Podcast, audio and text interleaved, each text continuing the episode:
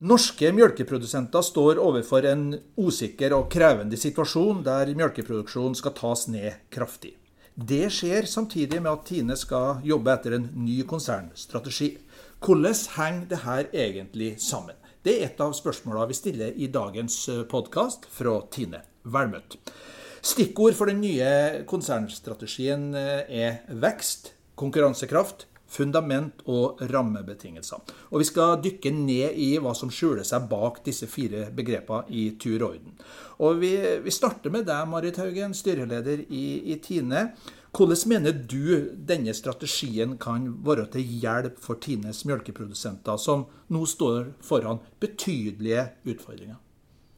Den strategien og de utfordringene som melkeprodusentene står overfor, henger nøye i hop. Eh, vi har satt i gang strategien er nettopp for de utfordringene vi ser hos melkeprodusentene og i det norske melkemarkedet. Vi ser liten og ingen vekst på Tine sine produkter. Vi ser en tøffere konkurranse, fallende melkesalg, altså mange mørke skyer. øka import har vi snakka mye om. Og det, det, strategien gjør, er at han tar tak i disse utfordringene.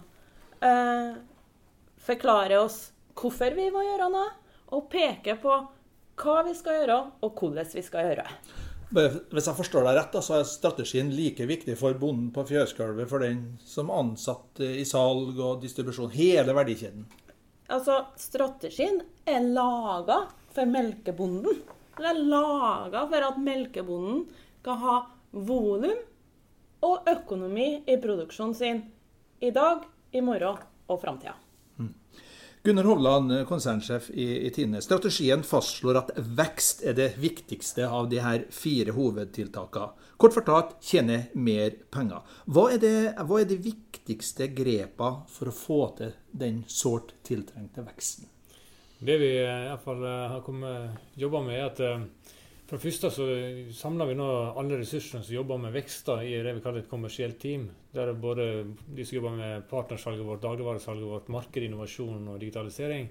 De jobber nå tett sammen for å på en måte ta ut alt som finnes av synergier dem imellom. Så det gjør vi som et sånn umiddelbart tiltak eh, som følge av dette her. Og så kommer vi til å prioritere veldig mye sterkere. Eh, så vi har etablert et, altså, et begrep der vi samler sammen liksom, kraftsamler rundt de største, sterkeste merkevarene våre, og får mer ut av dem. Det som heter Big Seven? Big Seven på godt norsk, ja. ja, ja. hva, hva skjuler seg bak det norsk-engelske uttrykket? det som skjuler seg bak det, er de største merkevarene våre, sånn som Jarlsberg, Norvegia, Melk, Sunniva. De største, de som på en måte står for borti 80% av verdiene våre. Eh, for tiden har vi alltid hatt rundt 1400 varelinjer, eh, og Big Seven står for rundt 300 av dem. Det vil da gjøre at vi satser betydelig sterkere og mer fokusert og kraftsamler rundt de sterkeste merkevarene våre for å få mer ut potensial i de. Det er liksom ene delen vi gjør på dagligvare.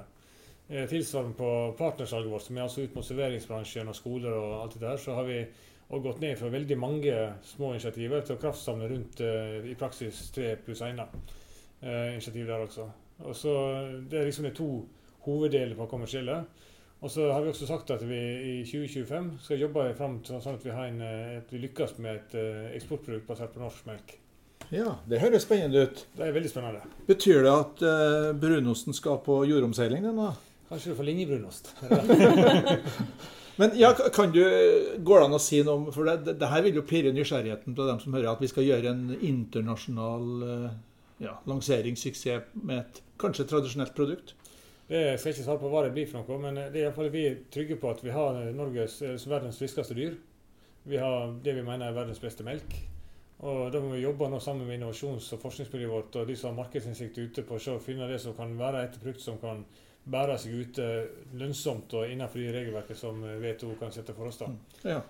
Uh, og Hva det blir for noe, det skal jeg ikke sitte og spekulere nå. For vi har sagt da, at vi satser på at vi skal være der i 2025. Det er ofte sånn med innovasjon også at uh, du ofte overvurderer det du kan få til på kort sikt. Men du, hvis du satser lenge nok, sant, og verket til, så det du kan få til på lang sikt, kan kanskje være litt større. Jeg tenker jo Hvis vi har fått ti gram eh, brunost i Kina, så hadde det jo vært mer i hele volumet til oss antagelig. Det var bare det. Betydelig mer. ja. Eh, men jeg, bare, jeg skjønner du kan ikke si noe produkt, men kan det, altså Asia det er jo der folk i verden bor. Mm. Sørøst-Asia. Det er blant de markedene vi ser på. Det er det. Så vi har prosjekter som ser på det, og vi har prosjekter som ser på litt nærmere markeder. Eh, ja, Marit? Nei, men Det Gunnar sier her i forhold til om å, å samle litt rundt litt færre initiativ, og færre og større initiativ, det er på en måte det samme som vi gjør på gårdene våre. ikke sant?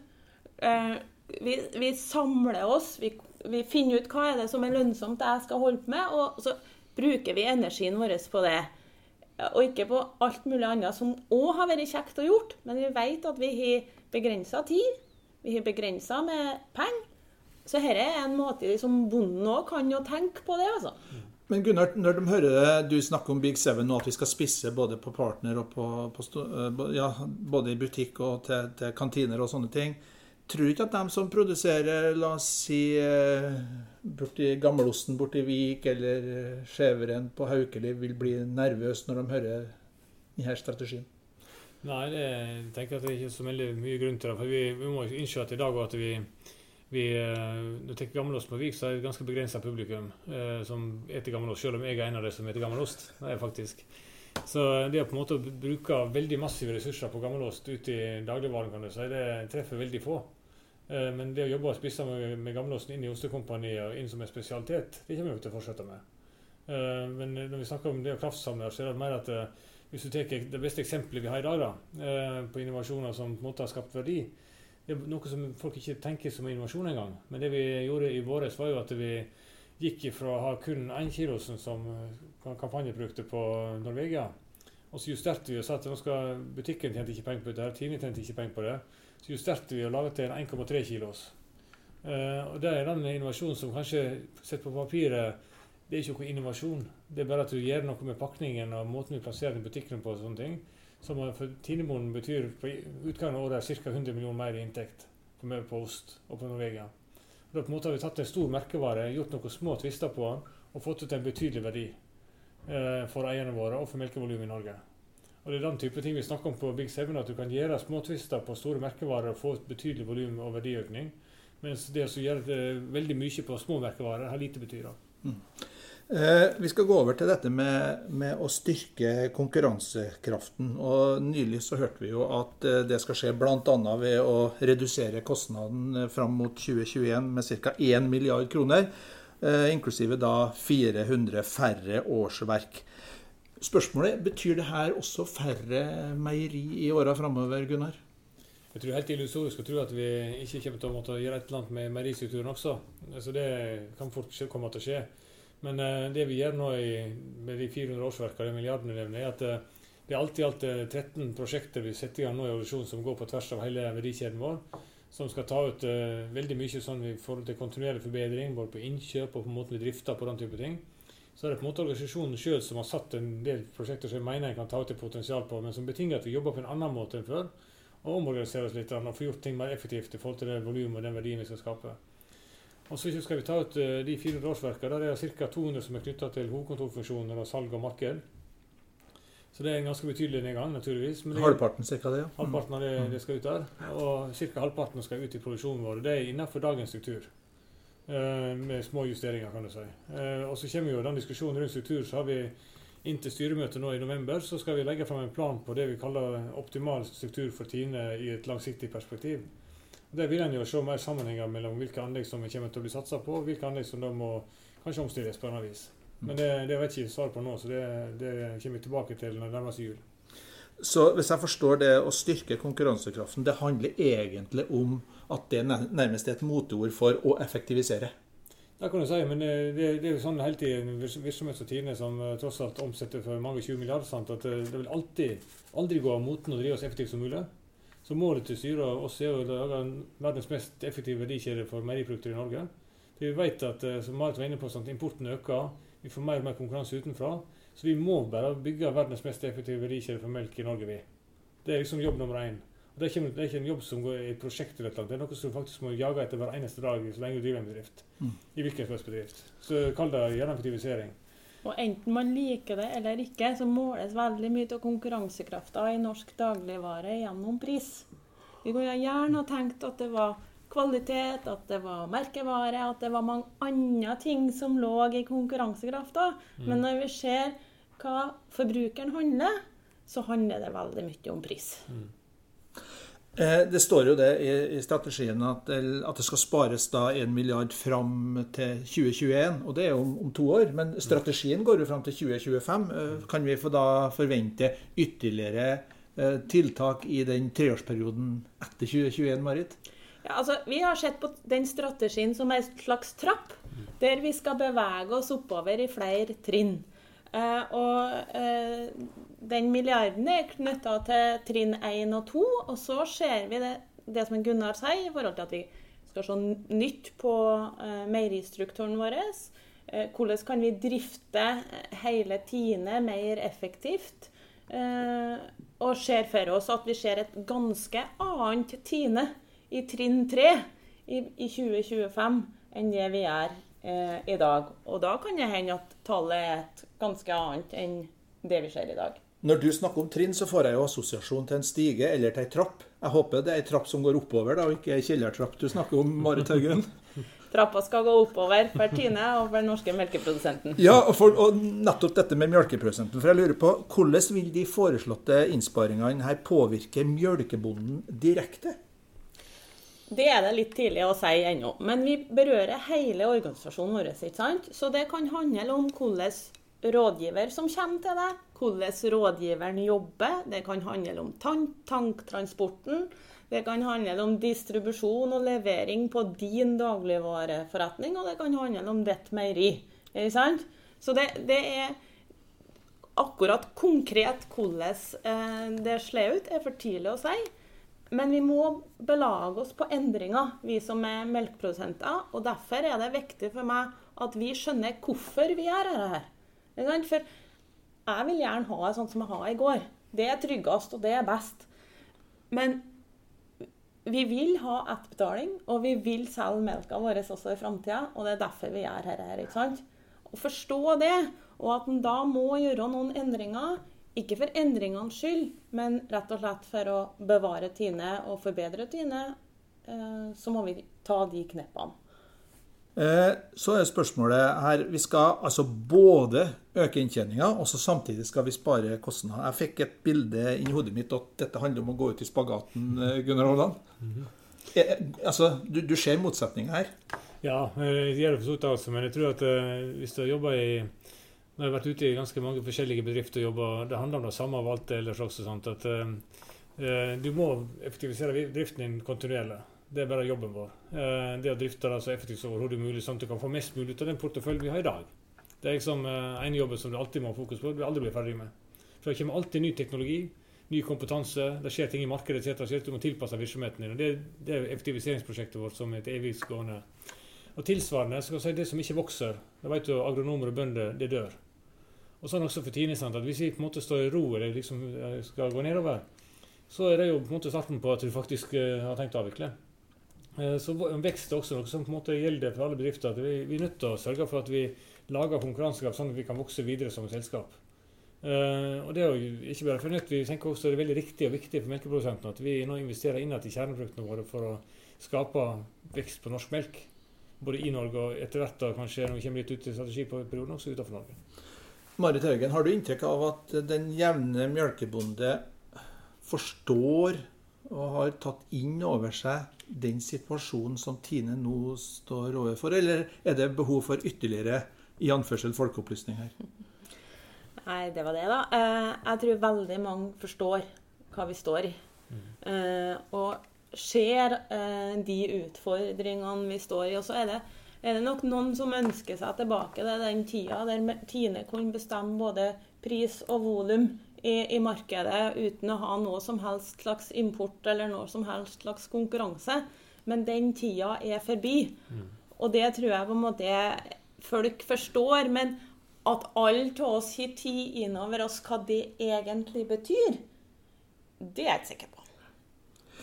Og I forhold til omverdenen så handler det også om rammebetingelser. og Det er jo et av stikkordene i den nye, nye strategien, og den er viktig for Tine. Og i, For å være helt konkret da, så nevnes det ernæring, det nevnes dyrevelferd, prisutjevningsordninger og råkordninger. Og Gunnar Hovland, hvorfor er PU-ordninga spesielt trukket fram i strategien?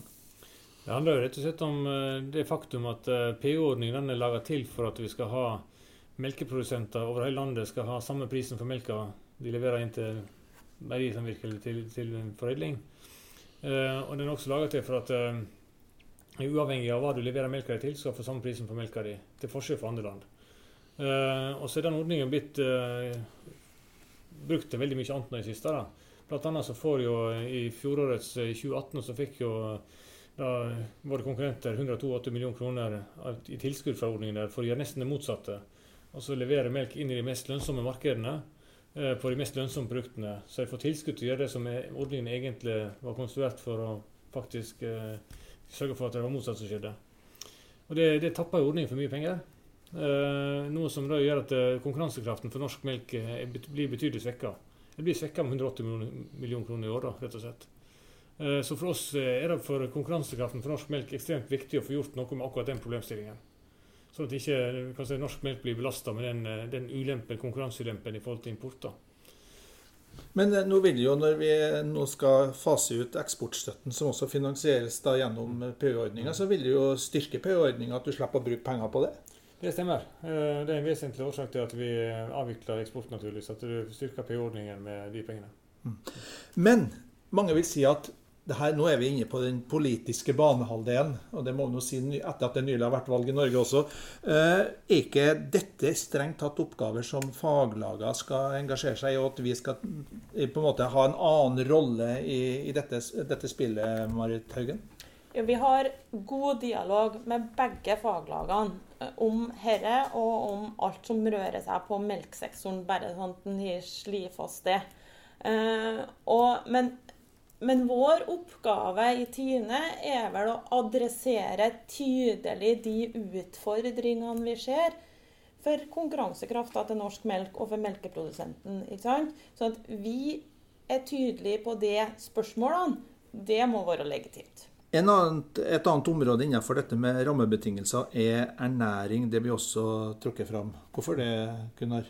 Det handler rett og slett om melka sin rolle i norsk næringer For uh, Melka i dag er jo en del av det norske kostholdsrådet. Tre enheter med melk er liksom en del av resepten som kostholdsrådet kostholdsrådene i Norge basert seg på. Og det er jo ekstremt viktig tenker jeg, at eh, vi fortsatt greier å uh, opprettholde den sterke anbefalingen på melk som en del av norsk næring. Det handler rett om å license og survive nesten. Altså for melk er sunt for veldig mange årsaker. Og det vet vi at 70 av befolkningen mener fortsatt. At det er sunt og det er godt og et riktig ernæringsmessig produkt.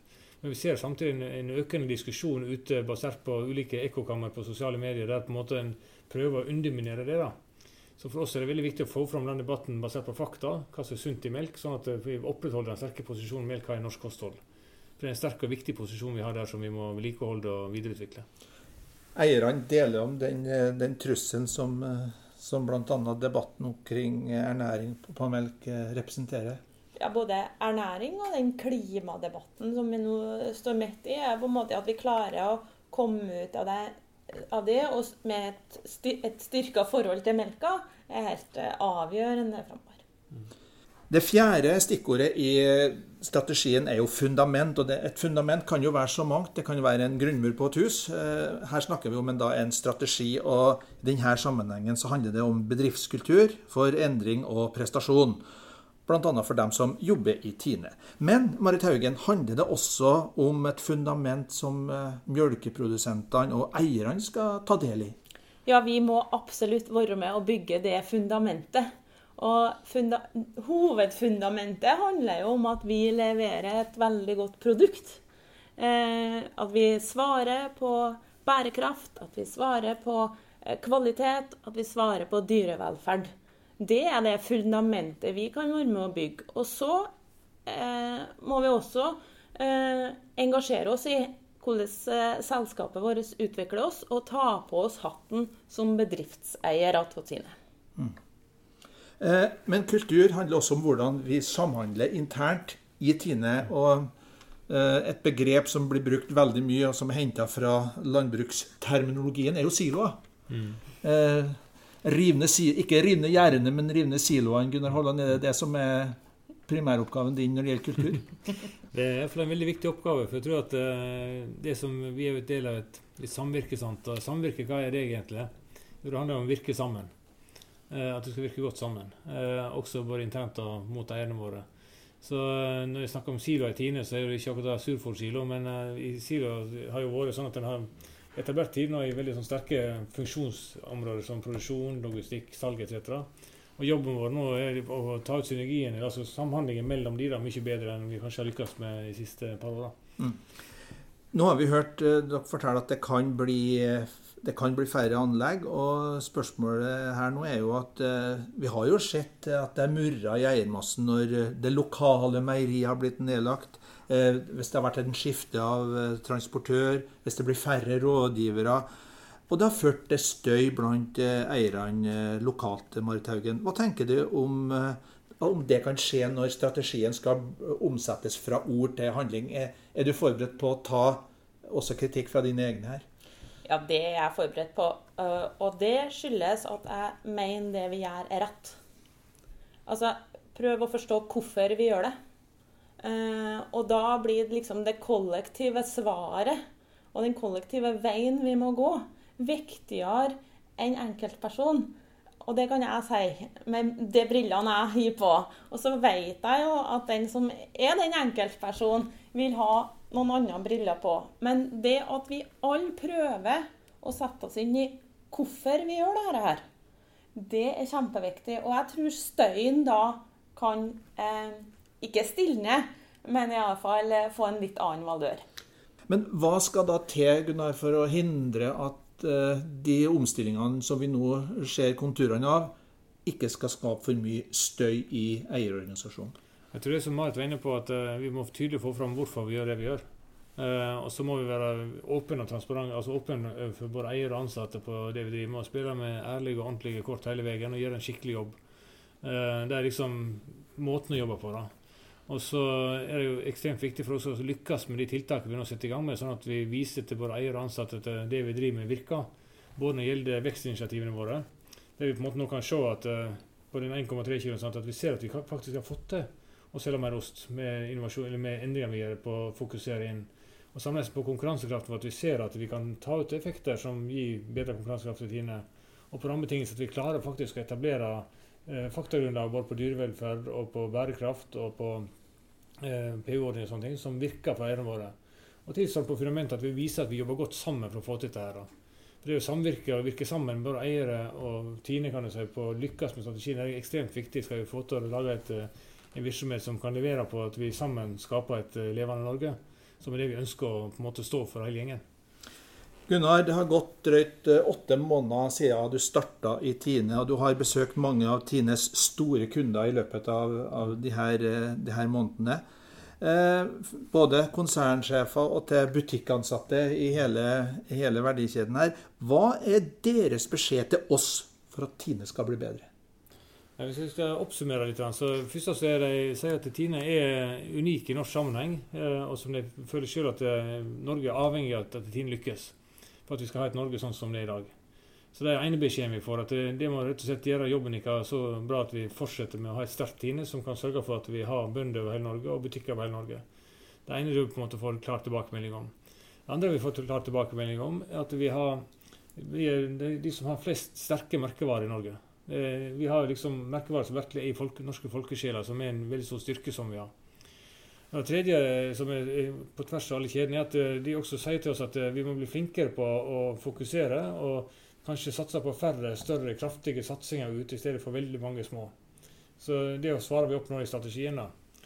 Og Det fjerde er vel dette med samarbeid. Altså at De ønsker veldig sterkt eh, alle sammen invitere oss inn til å ha et mye tettere samarbeid mellom Tine og kundene. Eh, enten det er her eller der på, vi snakker med folka. Alt dette er ting som vi adresserer veldig tungt i strategiarbeidet. I strategien, som du også var inne på, Marit Haugen, så er også dyrevelferd viktig.